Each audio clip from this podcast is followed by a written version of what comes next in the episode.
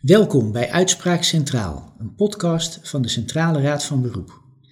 In iedere aflevering staat een bijzondere uitspraak centraal. We maken deze podcast om te vertellen over welke zaken wij beslissingen nemen en om inzicht te geven in beslissingen die interessant zijn op het gebied van rechtsvorming en rechtseenheid. Mijn naam is Willem-Jan van Brussel en ik ben raadsheer bij de Centrale Raad van Beroep. In het Nederlands Juristenblad van 7 mei 2021 staat een artikel van de Alkmaarse advocaat Tim Robbe. In dat artikel bespreekt hij, zoals hij het zelf noemt, twee kwesties in het sociaal domein. De eerste kwestie is het resultaatgericht indiceren door gemeenten bij de uitvoering van de wet maatschappelijke ondersteuning. De tweede kwestie is de inkomenstoets bij de toepassing van de jeugdwet door de gemeente. Wij vinden de publicatie van dit artikel een mooie aanleiding om eens te kijken naar de rechtspraak van de Centrale Raad van Beroep over deze twee onderwerpen. Vooral omdat de Raad op 26 mei 2021 over beide onderwerpen belangrijke uitspraken heeft gedaan. Een uitspraak over de WMO en een uitspraak over de jeugdwet. Een dubbele aflevering dus als het ware, met twee uitspraken centraal. De vindplaatsen van het artikel uit het Juristenblad van de uitspraken die worden besproken en van de andere uitspraken die worden genoemd staan in de omschrijving van de podcast. Ik ga over deze onderwerpen in gesprek met Sandra van Beek, senior gerechtsauditeur bij de Raad en wel bij de werkstroom Voorzieningen. Welkom Sandra. Dank je. Laten we beginnen met jouw functie. Wat doet een gerechtsauditeur? Um, een gerechtsauditeur die ondersteunt de raadsheren die bij de Raad werken. Je moet er dan aan denken dat uh, de auditeur de zaken inhoudelijk voorbereidt voor de zitting. Hij bekijkt waar de zaken over gaan, uh, bekijkt welke wet en regelgeving van toepassing zijn en hoe je dat zou moeten uitleggen. Doet ook onderzoek of er al rechtspraak is over bepaalde onderwerpen en hoe dat gezien zou moeten worden. Uh, dat wordt allemaal vastgelegd in een uh, instructie. En de raadsheren bij de raad gebruiken die instructies bij de voorbereiding bij de zitting. De auditeur is daarnaast ook aanwezig bij de zittingen die er zijn en hij doet ook mee aan de raadkamer na afloop. En um, veelal schrijven de auditeurs de uitspraak, althans het eerste concept van de uitspraak, schrijven zij waarna het uh, naar de overige raadsheren gaat, die uiteindelijk de beslissing nemen. Dat is in het kort eigenlijk waar de auditeur zich mee bezighoudt. Een belangrijke ondersteunende functie van uh, de raadsheren dus. Laten we beginnen met de uitspraak van de Raad over de WMO. Uh, Rob beschrijft in zijn artikel over resultaatgericht indiceren, dat is de, de populaire term. Wij noemen dat anders, namelijk het verstrekken van een maatwerkvoorziening in de vorm van een resultaatgebied. Resultaatgericht verstrekken. Uh, wat is dat eigenlijk? Resultaatsgericht verstrekken betekent dat uh, degene aan wie een maatwerkvoorziening wordt gegeven, die maatwerkvoorziening niet krijgt in uren of in minuten, maar dat een bepaald resultaat aan hem wordt verstrekt. Voorbeeld daarvan? Een voorbeeld daarvan, uh, bij maatwerkvoorzieningen voor huishoudelijke ondersteuning kun je denken aan het te bereiken resultaat, een schoon en leefbaar huis. Ja, de uitspraak die we gaan bespreken van de Raad van 26 mei 2021 gaat over de maatwerkvoorziening individuele begeleiding. En nu heeft de Raad al eerder in 2016 en 2018 uh, uitspraken gedaan over resultaatgericht uh, verstrekken bij huishoudelijke ondersteuning, hè, het schoon en leefbaar huis. Wat heeft de Raad in die uitspraken 2016 en 2018 beslist? Dat klopt inderdaad. De Raad heeft toen ook uitspraken gedaan, maar dat ging over huishoudelijke uh, ondersteuning. En de Raad heeft beslist dat als dat in de vorm van een resultaatsgebied wordt verstrekt, dat het eigenlijk onvoldoende concreet is, uh, onvoldoende duidelijkheid biedt waar een cliënt dan precies aanspraak op heeft. Uh, en de Raad heeft dat in strijd gevonden met het rechtszekerheidsbeginsel. En daarom konden die besluiten niet in stand blijven. Dat was overigens ook niet helemaal nieuw. Dit waren twee uitspraken onder uh, de nieuwe WMO, de WMO 2015. Maar ook onder de oude WMO, de WMO 2007, heeft de Raad al uh, uitspraak gedaan over het verstrekken van destijds gewoon huishoudelijke ondersteuning in de vorm van een resultaatsgebied. Dus het is eigenlijk een voortzetting van de oude rechtspraak. Dus het heeft al een lange geschiedenis dat het verstrekken van de maatwerkvoorziening, dat dat uh, bij huishoudelijke hulp in ieder geval in uren en minuten moet gebeuren. Inderdaad. Dan gaan we naar de uitspraak van 26 mei 2021, waar het gaat over individuele begeleiding. Wat had de betrokkenen daar aangevraagd? De betrokkenen had aangevraagd um, begeleiding, omdat hij beperkingen ondervond uh, bij het zelfstandig leven. Hij had ook beperkingen bij uh, het, creëren van een dagstructuur en het voeren van regie over zijn leven. En hij had daar begeleiding bij nodig. Die begeleiding, dat was de gemeente ook met hem eens, dus die begeleiding is ook aan hem verstrekt. Aanvankelijk ontving hij daarvoor drie uur begeleiding. Op enig moment is, uh, is dat opnieuw herzien door de, door de gemeente en is aan hem een resultaatsgebied voor begeleiding is verstrekt. En daar is hij tegen opgekomen uh, bij de rechtbank. Ja. Wat heeft de rechtbank daarover beslist? Uh, de rechtbank heeft aangeknoopt bij de eerdere uitspraken die over huishoudelijke ondersteuning zijn gedaan. Uh, en heeft gezegd dat uh, het verstrekken van begeleiding in de vorm van een resultaatsgebied onvoldoende concreet is. Omdat de betrokkenen hier dan niet weet, weet waar hij recht op heeft. En ook niet goed gecontroleerd kan worden of de maatwerkvoorziening wel passend genoeg is ook voor deze betrokkenen. Dus de rechtbank paste eigenlijk de jurisprudentie van de raad zoals die al lag toe in dit geval? Ja, ook op individuele begeleiding, ja. De gemeente eh, is het daar niet mee eens met die uitspraak van de rechtbank. De nee, gemeente dat komt in hoger beroep. Ja. Wat voerde de gemeente aan?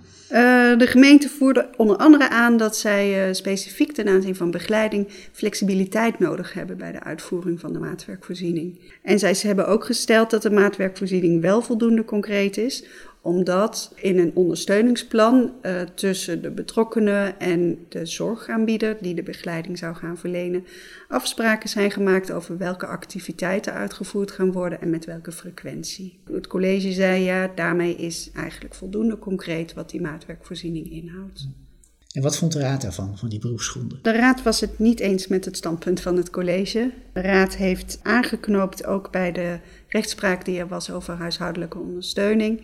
Eh, en in die zin ook aangeknoopt bij wat de rechtbank daarover heeft gezegd. Het komt in strijd met het rechtszekerheidsbeginsel om begeleiding in de vorm van een resultaatsgebied te verstrekken, omdat het dan onvoldoende duidelijkheid biedt. En dat flexibiliteitsargument van de gemeente? De Raad heeft daarvan gevonden dat het verstrekken in uh, uren en minuten niet in de weg hoeft te staan aan uh, die flexibiliteit die het college zo graag wil. Dus de gemeente moet de omvang van de begeleiding alsnog vaststellen in uh, uren en minuten? Ja. En de Raad heeft ook een aanwijzing gegeven in de uitspraak hoe dat dan verder moet gebeuren. Inderdaad, ja. Dus de conclusie uit deze uitspraak is wel dat als maatschappelijke ondersteuning in tijdseenheden wordt geboden, zoals huishoudelijke hulp en individuele begeleiding, dat dat dan moet worden verstrekt in uren en minuten. Ja, ik denk wel dat we daar, dat hieruit in ieder geval deze uitspraak kunnen concluderen. Ja. Op de uitspraak van de Raad over de huishoudelijke hulp heeft uh, het kabinet gereageerd met een uh, wetsvoorstel dat in consultatie is gebracht. Wat staat er in dat wetsvoorstel? In dat wetsvoorstel wil de minister het mogelijk maken uh, beoogt een wijziging aan te brengen in de WMO 2015 om het mogelijk te maken om wel te kunnen verstrekken in resultaatsgebieden.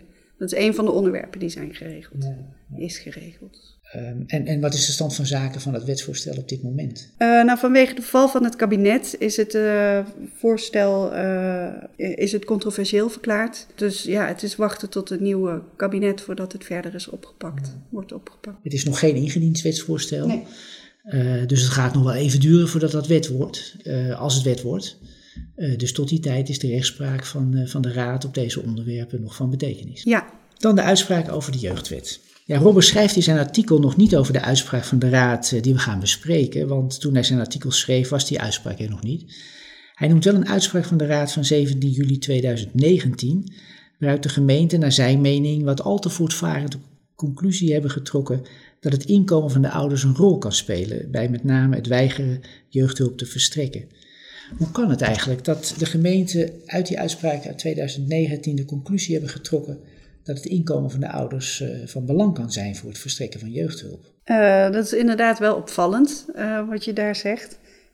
in die uitspraak um, is onder andere beschreven dat het college in die zaak onderzoek had gedaan, waarbij onder andere de financiële positie van de ouders was betrokken, naast allerlei andere aspecten die onderzocht waren. Um, en in de hoge beroepsgronden is uiteindelijk zeg maar, de rol van het inkomen in relatie tot het, de te verlenen jeugdhulp uh, nauwelijks aangevoerd door partij. En uh, daarom is de Raad daar eigenlijk ook niet aan toegekomen in die uitspraak. En er is nog wel een, een klein uh, enkele stelling dat de moeder van Appelland in die zaak financiële druk ervoor. Dat heeft de Raad onvoldoende gevonden om twijfel te zaaien over dat onderzoek. Dus de inkomenstoets speelde eigenlijk in hoger beroep niet echt een rol. Nee, inderdaad. Dan gaan we nu naar de uitspraak van 26 mei 2021. Uh, wat was er in die zaak uh, door de ouders uh, aangevraagd voor de jeugdige? het ging in deze zaak om een aanvraag van een kind. En het kind had verschillende somatische aandoeningen. Daarnaast had hij het syndroom van Asperger, ADHD. en er is hoogbegaafdheid bij hem vastgesteld. En het kind wilde in aanmerking komen voor jeugdhulp. Het college heeft ook jeugdhulp toegekend.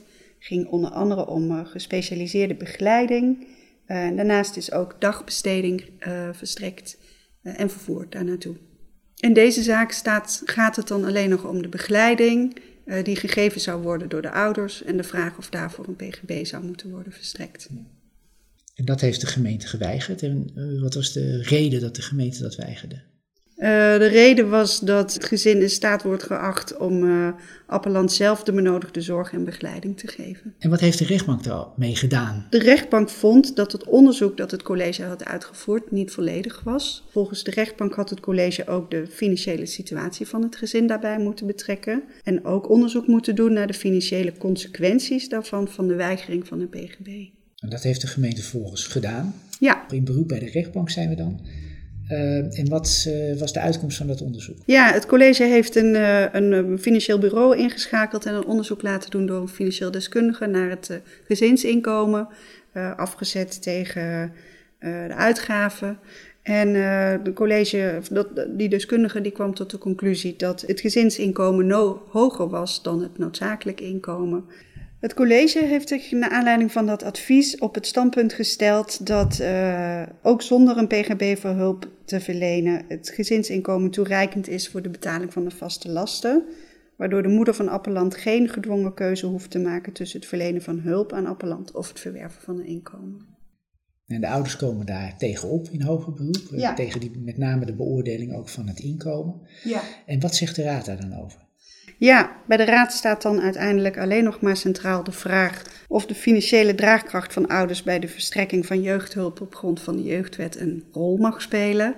En de Raad vindt daarvan dat uh, de jeugdwet daarvoor geen ruimte biedt. De Raad heeft verwezen naar de tekst en naar de totstandkomingsgeschiedenis van de wet en zegt dat uh, de draagkracht en de financiële situatie van de ouders geen rol mogen spelen. Uh, de uitspraak uit 2019, die we net hebben besproken, die komt in deze uitspraak ook nog even terug. Wat zegt de Raad daarover? De Raad zegt over deze uitspraak dat uh, hieruit niet kan worden afgeleid dat een financiële draagkrachtmeting mogelijk zou moeten zijn op grond van de jeugdwet. Ja, de Raad zegt ook dat het de rechtsvormende taak van de rechter te buiten gaat. Uh, ja, dat is wel heel uh, deftig taalgebruik. Wat wordt daarmee bedoeld? Ja, dat is inderdaad deftig taalgebruik, maar daarmee wordt bedoeld dat de bestuursrechter of de centrale raad daar verder ook niks over kan zeggen.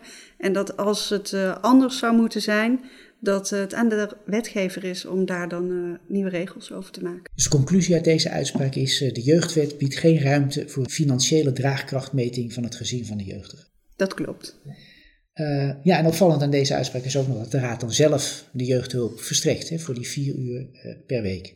Ja, inderdaad. Dat is tussen partijen verder niet meer in geding. Daar zijn ze tot overeenstemming over gekomen. Dat dat is wat er nog nodig is. Inderdaad. Nou, er valt vast nog veel meer te zeggen over deze twee uitspraken, maar dat gaat het bestek van deze podcast buiten. Dat laten we graag aan anderen over. Zeer bedankt voor dit gesprek, Sandra. Dit was Uitspraak Centraal voor deze maand. Over twee maanden een nieuwe aflevering met een nieuwe gast en een nieuwe uitspraak. De productie van de podcast wordt verzorgd door Mariska van der Veen en de muziek is van Bert Weijers. Heb je vragen of opmerkingen? Laat het ons weten via Twitter, Facebook of LinkedIn. Tot de volgende keer.